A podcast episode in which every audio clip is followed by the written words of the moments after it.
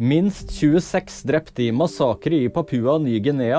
Menn er trolig blitt skutt og drept i et bakholdsangrep, sier politiet til den australske rikskringkasteren ABC.